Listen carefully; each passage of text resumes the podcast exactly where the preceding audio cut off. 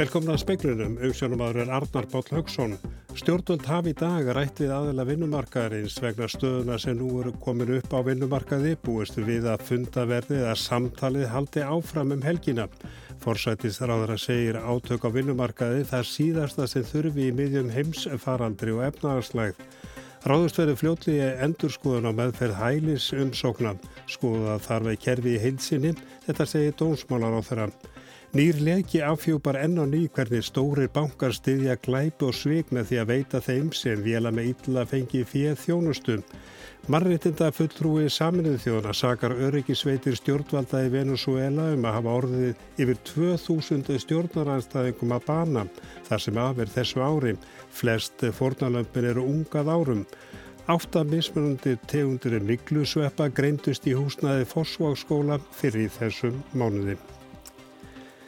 Ríkistjórnun hegst ræða formlega við samtök atunlýsins og alþýðusambandi vegna ágreinings þeirra um stöðu lífsgerðarsamningsins. Ekki sé tíum bært að búa tiltegnar aðgerði stjórnvalda. Það segir að mikilvæg að sé að komi veg fyrir að vinnumarkaðurinn leysist upp í átök. Samtölu hafa verið milli aðalegi dag og eru búist við að þau haldi áfram um helgina. Allt stefnir í að samtök atunlýfsins segi upp lífskjærasamningnum um mánaðamótin. Katrín Jakobsdóttir fórsætisráðra bóðar að stjórnvöld muni ræða við aðila vinnumarkaðinins vegna þeirra stöðu sem upp er komin.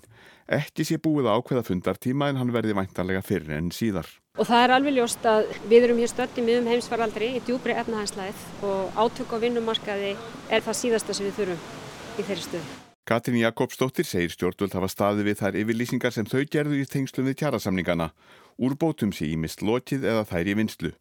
Stöðugt og reglubundið samráð hafi verið haft við aðila vinnumarkaðurins um gang þeirra mála. Það sé aðilana sjálfra að meta aðrar forsendur kjærasamningana og það skulu þeir gera við samningaborðið. Ríkið muni funda með aðilum til að fara yfir stöðuna og þá möguleika sem fyrir hendi séu til að koma í veg fyrir átök. Katrín segir ótíma bært að ræða hvort ríkið muni greiða um samdar launahækkanir, frista laun eða bregðast við með einhverjum öðrum hætti hver og einn aðli gerir kjærasamninga en það sem ríkið hefur hins vegar gert við höfum fyllt í raun og veru þeir leiðaljósi sem uh, var í lífskjærasamningunum en ég held að þetta sé bara ótímakar um það. Mikilvægast sé að komi veg fyrir að vinnumarkaðurinn leysist upp í átök, segir Katrín Jakobsdóttir forsættisráð þeirra. Markus Þóraldsson tók saman. Ráðust eru fljótlega í endurskoðuna á meðferð hælis umsókna skoðað þörfi kerfið í heilsinni þetta segir Áslögu Arnar Sigurbjörnsdóttir dónsmálar á þeirra. Hún segir að málu fjölskylduna frá Ekvitalandi sem fekk dvalarlefi hér á landi í gær eftir að hafa farið í félur þegar að vísa átti þeim úr landi hafi gefið tilimni til þess. Katríni Jakobsdóttir þeirra segir samgleðjast fjölskyldunni endurum þetta þurfi lögin reglulega. Áslögu Arna segir máli hvetja til þess að kerfi veri endurskoðað, ekki síst langur máls meðferratími og að það veri gert fljótlega.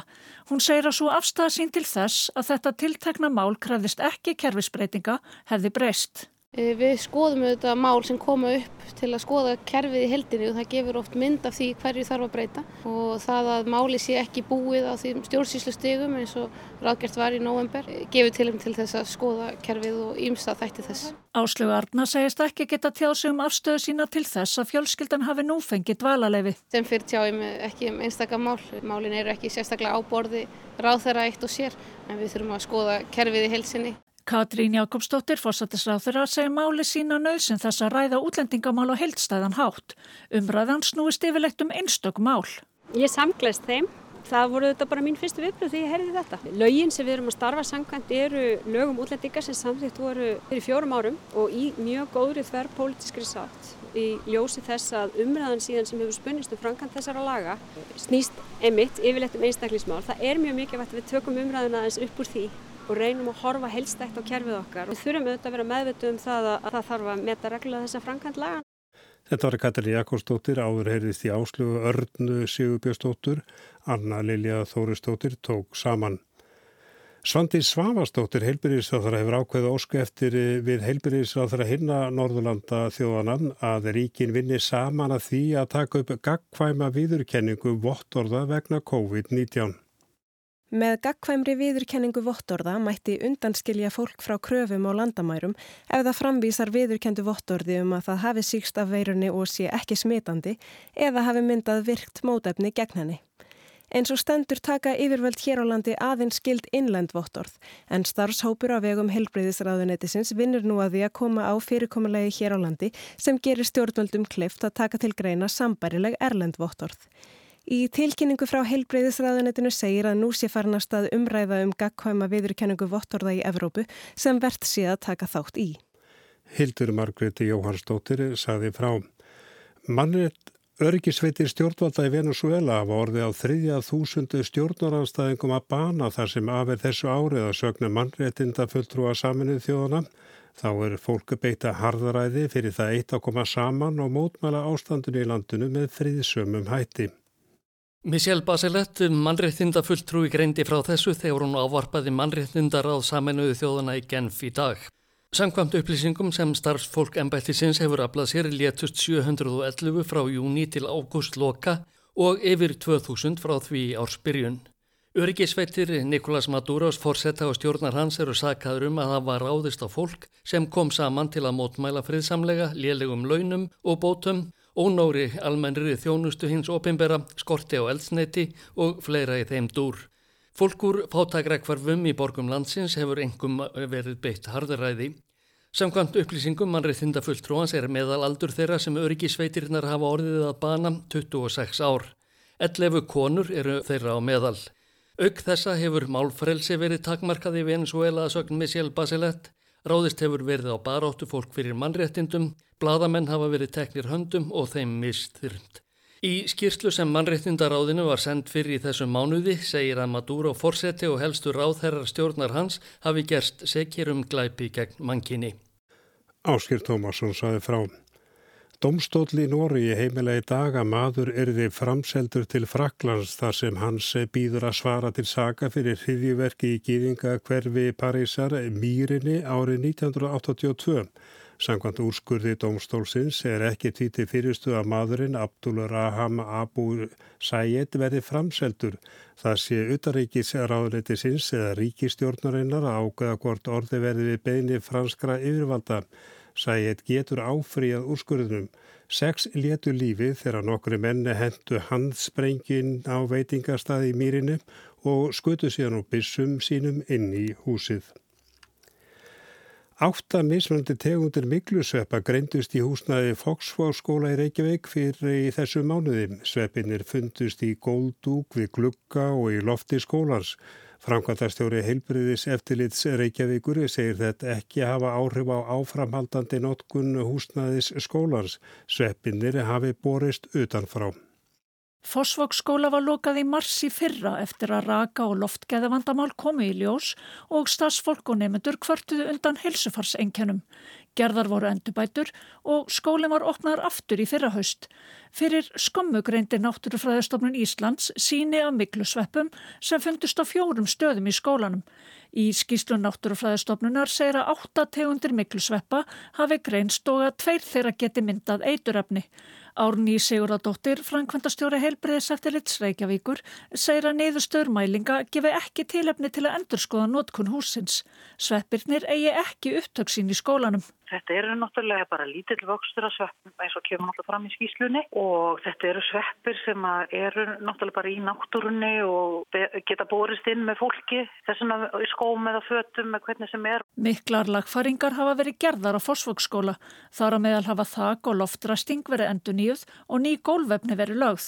Árni segir að hvorki leki, nýja raki sé nú í húsnæðinu. Því það þarf til til að vöxtur miklu sveppa getur orðið. Þannig að það er okkar maður að það sé ekki neinn hægt á ferðum út af þessu. Þetta eru sveppi sem eru að finna allstæðar. Þetta var Árni Siguradóttir, Anna Lilja Þórusdóttir, talaði við hana. Stjórnvöld hafi dag rætt við aðela vinnumarkaðarins og búist þér við að það samtal haldi áfram um helgina. Ljóst er að stjórnvöld hafa miklar áhyggjur af því ef allt fer í bál og brand á vinnumarkaði í haust og hér logi allt í vinnudeilum. Þórun Sveinbjarnadóttir formaður BHM segir að ef SA riftir í kjara samningum geti það ógnað bæði félagslegum og efnaðarslegum stöðuleika í landinu. Fósiti ASI segir að aturreikendur segi upp samningum séu þeirra bjóð upp á mikinn ófrið á vinnumarkaði og formaður var ferri segir mikla líkur á að staðan á vinnumarkaði verði mjög erfið verði samningum eh, sagt upp. Ábyrði samtaka atvinnlýsins sé mikil en hvernig horfður þetta mál við formanni BHM? Það horfir þannig við okkur að eh, við förðum okkur yfir því að þetta uppnám sé í bóði samtaka atvinnlýsins. Það voru gerðir kjærasamningur og vinnumarkaði, bæði hinn um almenna og ofinbæra til fjögura ára með krónutöluhækkunum sem verður að segjast er ódýrasta leiðin fyrir vinnuveitundur í þessu landi. Það er búið að skapa frið á vinnumarkaði til langstíma og það er hreinlega ekki hægt að skilja uh, hvernig essa kemst að þeirri niðurstöðu að, það, að núna sé góður tími til að setja þennan frið á vinnumarkaði í uppnátt. En það er ákvæði í ykkar kjærasamningum að ef eh, samningum sé sagt upp á grundvöldu fórsendu ákvæðis að þá getur annarkor aðilinn eða báðir sagt upp kjærasamningum. Er líklegt núna til dæmis að ríkir að segja upp samningum við ykkur? Já, það vona ég ekki en það er rétt hjá þér að þetta fórsendu ákvæði er í kjærasamningum og ofnbjörnum markaði hjá aðeldarfélagum BHM. Eh, það væri þá fyrst til að setja samfélagið og hliðina ef að ríkið ætlaði sem vinnuveitandi að þetta í fótspór samtaka aðtunlýfsins. En eh, nú er ekki bara ofnbæri stafsmenn í BHM og ekki heldur hjá BSRB að eh, það er náttúrulega talsveit margir sem eru þá að missa samninga í ykkar röðum. Já, ef þetta verður niðurstaðan þá er það líka eh, eitthvað sem hefur bein áhrif á félagsmennin en aðaldarfélaga BHM það er rétt. Þannig að, að það ef að samningu verður sagt upp að þá mun það að þínum að þetta hafa vítæk áhrif á vinnumarkaðin? Já og ég held að það sé hægt líka að tala um að það hafi, það gæti eh, ógnað bæði félagslegum og efnahagslegum stöðuleika í landinu og mitt í heimsfaraldri þá þurfum við ekki á þessu að halda. Þetta var Þórun Sveinbjörnadóttir. Eftir samninganemndar fund alþýðusambandsins í morgun saði Drífa Snædal formar aðeins í að hún teldi það mjög óabyrga afstöðum ef aturreikundur rifta kjara samningum. Uh, við erum hins vegar til í uh, það sem koma skall. Við munum bóða til formanumfundar í næstu viku. Uh, ég hef ekki vonað öðrun að það ríki einhugur um það að, að við erum að sjálfsögja til í það sem koma skall Eh, en eh, með því þá er hægt á að aðtunreikundu vera að bóða eh, mikinn ófríða vinnumarkaði. Saði Drífa Snættal. Eins og staðan er nú eru mikla líkur á því að aðaldafélaginnan SA samþykja að segja upp lífsgjarasamningnum.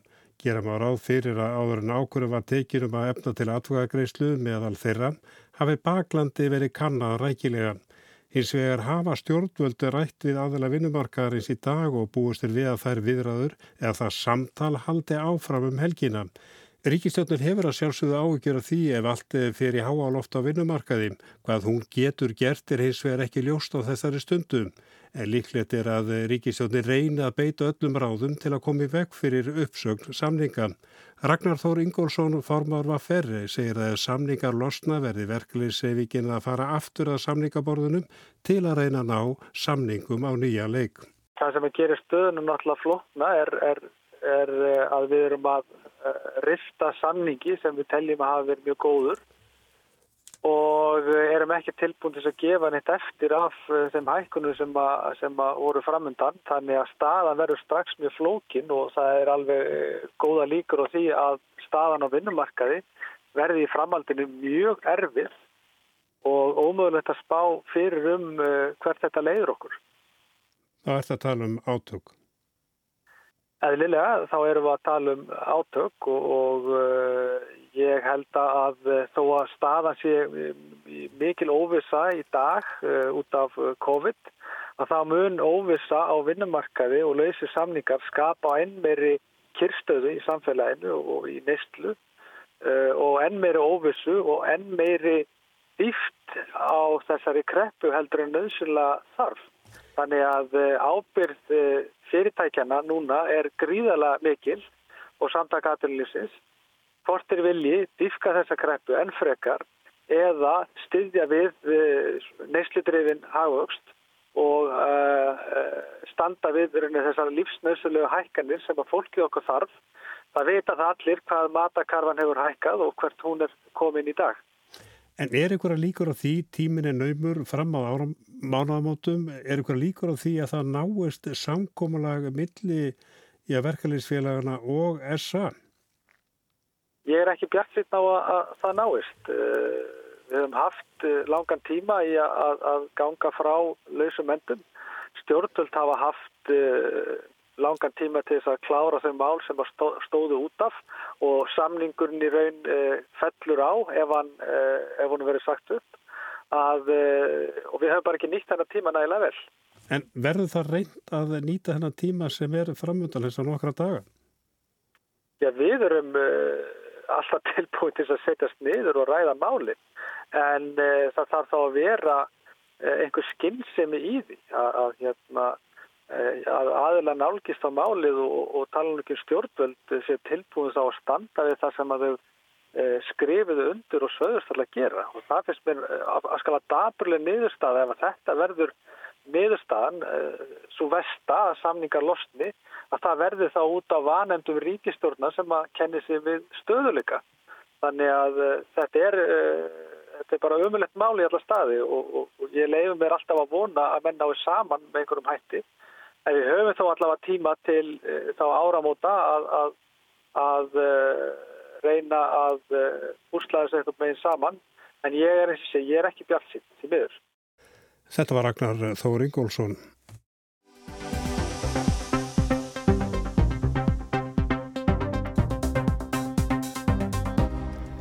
Þetta er að verða fastur liður, efnuleika eða frá uppljóstarara sínir hvernig bankar í samspili við álasvæðingu veita viðskitavinum eða illafengi fjö þjónustum.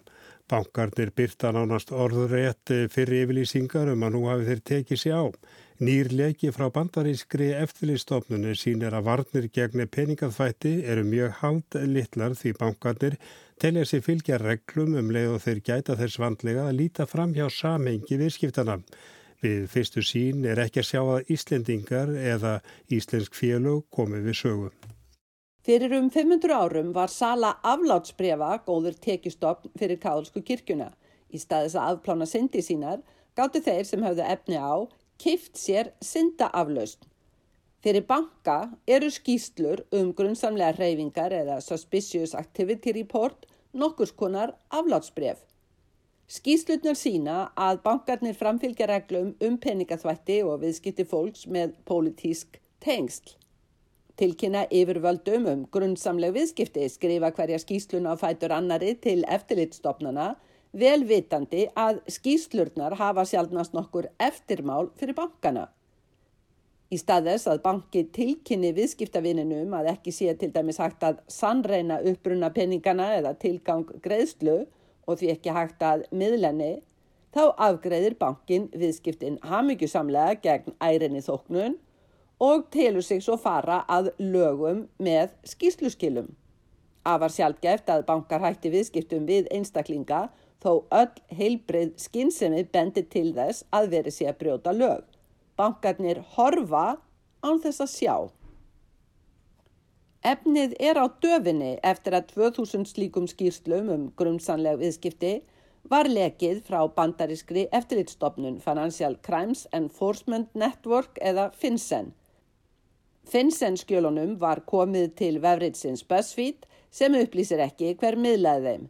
Í janúar játaði fyrrum starfskona FinCEN sig seka um leka fyrir dóm í New York. Hún talinn hafa útveða skjölinn. Sem fyrr skipulaði International Consortium of Investigative Journalists samtök rannsóknarblaðamanna úrvinnslu lekans síðan að sunnudaginn var hafa fjölmiðlar um allan heim byrt efni upp úr þessum skýslum unnið af tæplega 400 blaðamennum. Andstætt Panamaskjölunum sem komu frá lagmannstofinni Mossack Fonseca þá eru nöfnin í Finnsenskjölunum yfirleitt nöfn á félögum ekki einstaklingum Speilin spurðist fyrir hvort þær væru íslensk nöfn verðist ekki vera við fyrstu sín. Það kemur ekki á óvart að ekkert land kemur jafn ofti sögu í skýslunum og Bretland, þungamiðjan í flestum nýlegum peningaþvættismálum til dæmis í peningaþvætti Danske Bank fyrir rúsneska skuggabaldra. Já, Danske Bank kemur við sögu í nýja lekanum, líka Barclays, HSBC-bankin og Deutsche Bank, allt bankar sem hafa orðið marg uppvísir að peningaþvætti. Breski íhalsþingmaðurinn Mel Stræt, formaður fjármálanemdar Breska þingsins, hefur skrifað Boris Johnson fórsætsráðura til að spyrja hvað Breska leftilitstofnanir séu eiginlega að gera í þessum efnum. Stræt bendir á að í skjölunum sé aðtóðsend bandariskra yfirvalda um að Breitland sé há áhættuland, varðandi peningaþvætti, heldur ófögur lýsing.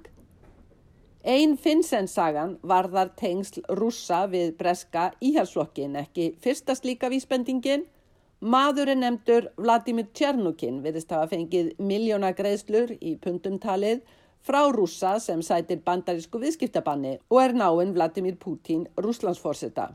Eginkonan Lubov Tjernukin hefur allra hvenna mest styrt breska íhjárslokkin undan farin ár. Alls lagt flokknum til 1,7 miljónir punta, rúmlega 300 miljónir króna. Tjernukinn er bresku ríkisborgari og svar íhalsflokksins er að flokkar megi þykja styrki breskra ríkisborgara. Styrkir Tjernukins hafa meðal annars falist í að kaupa tíma með núvarandi fórsætsráðura og tveimur forverumans. Tennis með Johnson og David Cameron og kvennakvöld með Theresa May og nokkrum kvenn ráðherrum og flokksistru May. Tjernukinn greitti flokknum rúmlega 28 miljónir króna eða 160.000 pund fyrir tennisleik við Johnson. En hver eru áhrif þess að stórir og öflugir bankar stiðja glæpamenn og spilta stjórnmálumenn? Í stuttumáli, samspil þjónustubankana og aflandsvæðingar gerir íllverk möguleg. Án banka er ekki hægt að senda fyrir úr stað og án þess er erfitt að stunda mikið stórbrotnari glæpi en vasaþjófnað. Hriðjuverk verð ekki stunduð án banka, svo dæmi séu nefnd. Íranski lagfræðingurinn og baráttukonan Shirin Ebadi hlaut friðaverlu Nobels 2003. Í viðtal við speilin fyrir nokkrum árum sagði Ebadi að það besta sem vestrana þjóðir getur gert til að berjast gegn spillingu utan vesturlanda var að hindra að vestrani bankar flyttu fjö úr landi fyrir spillingaröflin. Finnsen skjölinn sína að það er fjarriði að yfirvöld á vesturlandum beiti sér sem skildi gegn peningaþvætti. Sigrún Davísdóttir saði frá.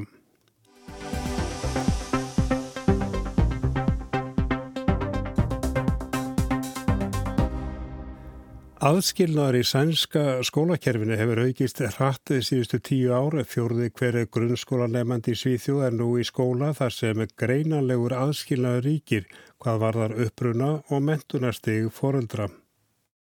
Borós er ríflega 100.000 manna borg skamt austur af Gautaborg, þekkt fyrir textilframleyslu og dýragarð sem þar er. Tæpur þriðjungur þeirra sem búa í Borós fættist Erlendis eða á foreldra sem fættust Erlendis. Í skólum borgarinnar er hlutfall nefenda með Erlendan bakgrunn þó ansi hreint misjamt. Í sömum skólum er það innan við 7%, í öðrum skólum næstum allir. Hæst er hlutfall nefnda sem fættust erlendis eða eiga foreldra sem eru fættir erlendis 93%. Þegar kemur að mentunar stígi foreldra er munurinn ekki alveg svona mikill en samt mikill. Þar sem hlutfall foreldra með framhaldsmentun er lægst er það 16% en hæst yfir 70%. Það er þetta sem áttur við þegar talað er um greinilegan aðskilnað innan sænska skólakerfisins. Fréttamenn sænska ríkisútvarfsins hófi í vikunni umfjöllun um þennan aðskilnað. Þeir sendu út spurningalista til sænskra sveitarfélaga sem lang flest svöruðu. Kannadar hver margir nefendur í hennum ímsu grunnskólum landsins eru fættir erlendis eða eiga foreldra sem eru fættir erlendis og hver margir eiga foreldra sem fóru í framhaldsnám eftir mentaskóla. Þetta var borið saman við meðaltalið í sveitarfélaginu í heilt og ef munurinn reyndist 20% stig eða meira þá taldist vera um greinilegan aðskilnað að ræða í viðkomandi skóla. Aðskilnaður í sænska skólakerfinu hefur aukist hratt síðustu tíu ár. Fyrir tíu árum gekk 50 hver nefandi í Svíþjóð í skóla þar sem það ríkti greinilegur aðskilnaður en nú er það fjórði hver. Í sömum sveitarfélögum hefur aðskilnaðurinn aukist enn meira eins og í Borós þar sem næstum 60% grunnskólanemenda í borginni eru í skólum þar sem greinilegur aðskilnaður er.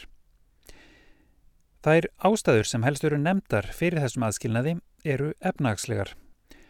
Fólk er svíþjóð getur valið að senda börnin sín í enga skóla sem eru mun algengara meðal þeirra tekju herri eða að fólk sendir börnin í hverfiskóla og þá skiptir auðvitað máli hvar maður býr.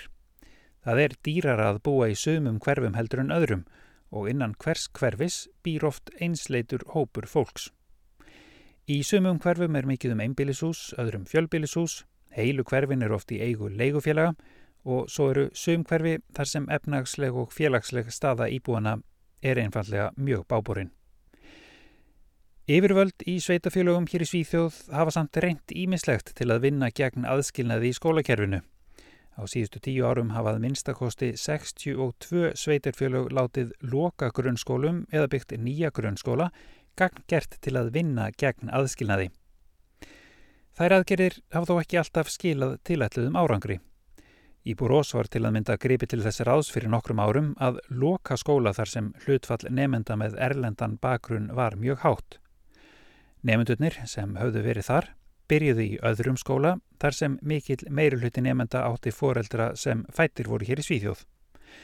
En þá brá svo við að mörg þeirra barna sem voru fyrir hættu í skólanum og voru sendi í engareikin skóla í staðin.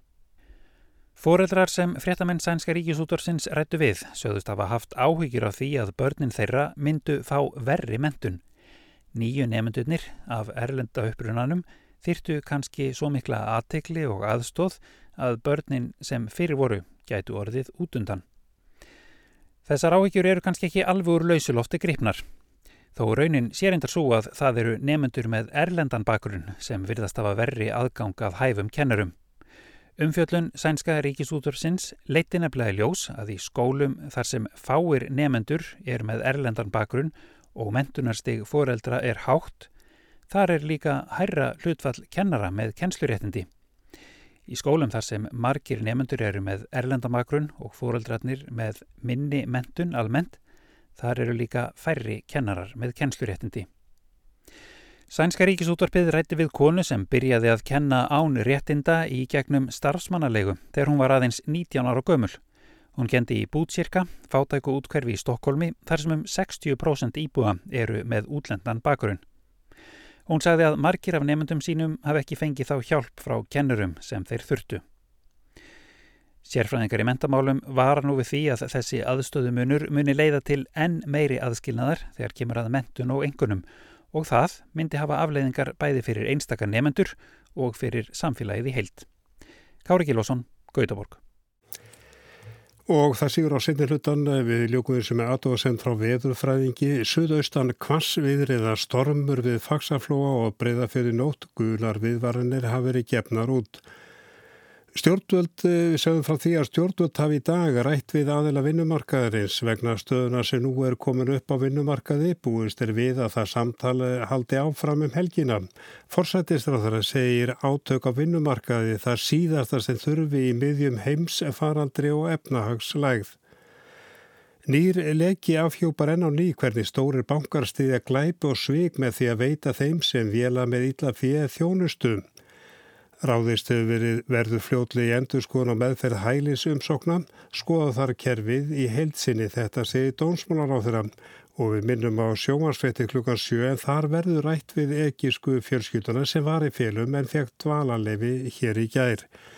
Og mannréttinda fulltrúi saminnið þjóðuna sakar öryggisveitir stjórnvalda í Venezuela um að orði yfir 2000 stjórnarðaðingum að bana það sem af er þessu ári. Flest fornalömpin eru ungað árum og átta mismunandi tegundir miklusveppa greindust í húsnaði Fossvóskóla fyrir þessu máluði. En það er ekki fleira í speklingum í kvöld. Tæknum aður var Þorstein Magnús Magnússon Magnús Þorstein Magnússon, verið sæl og góða helgi.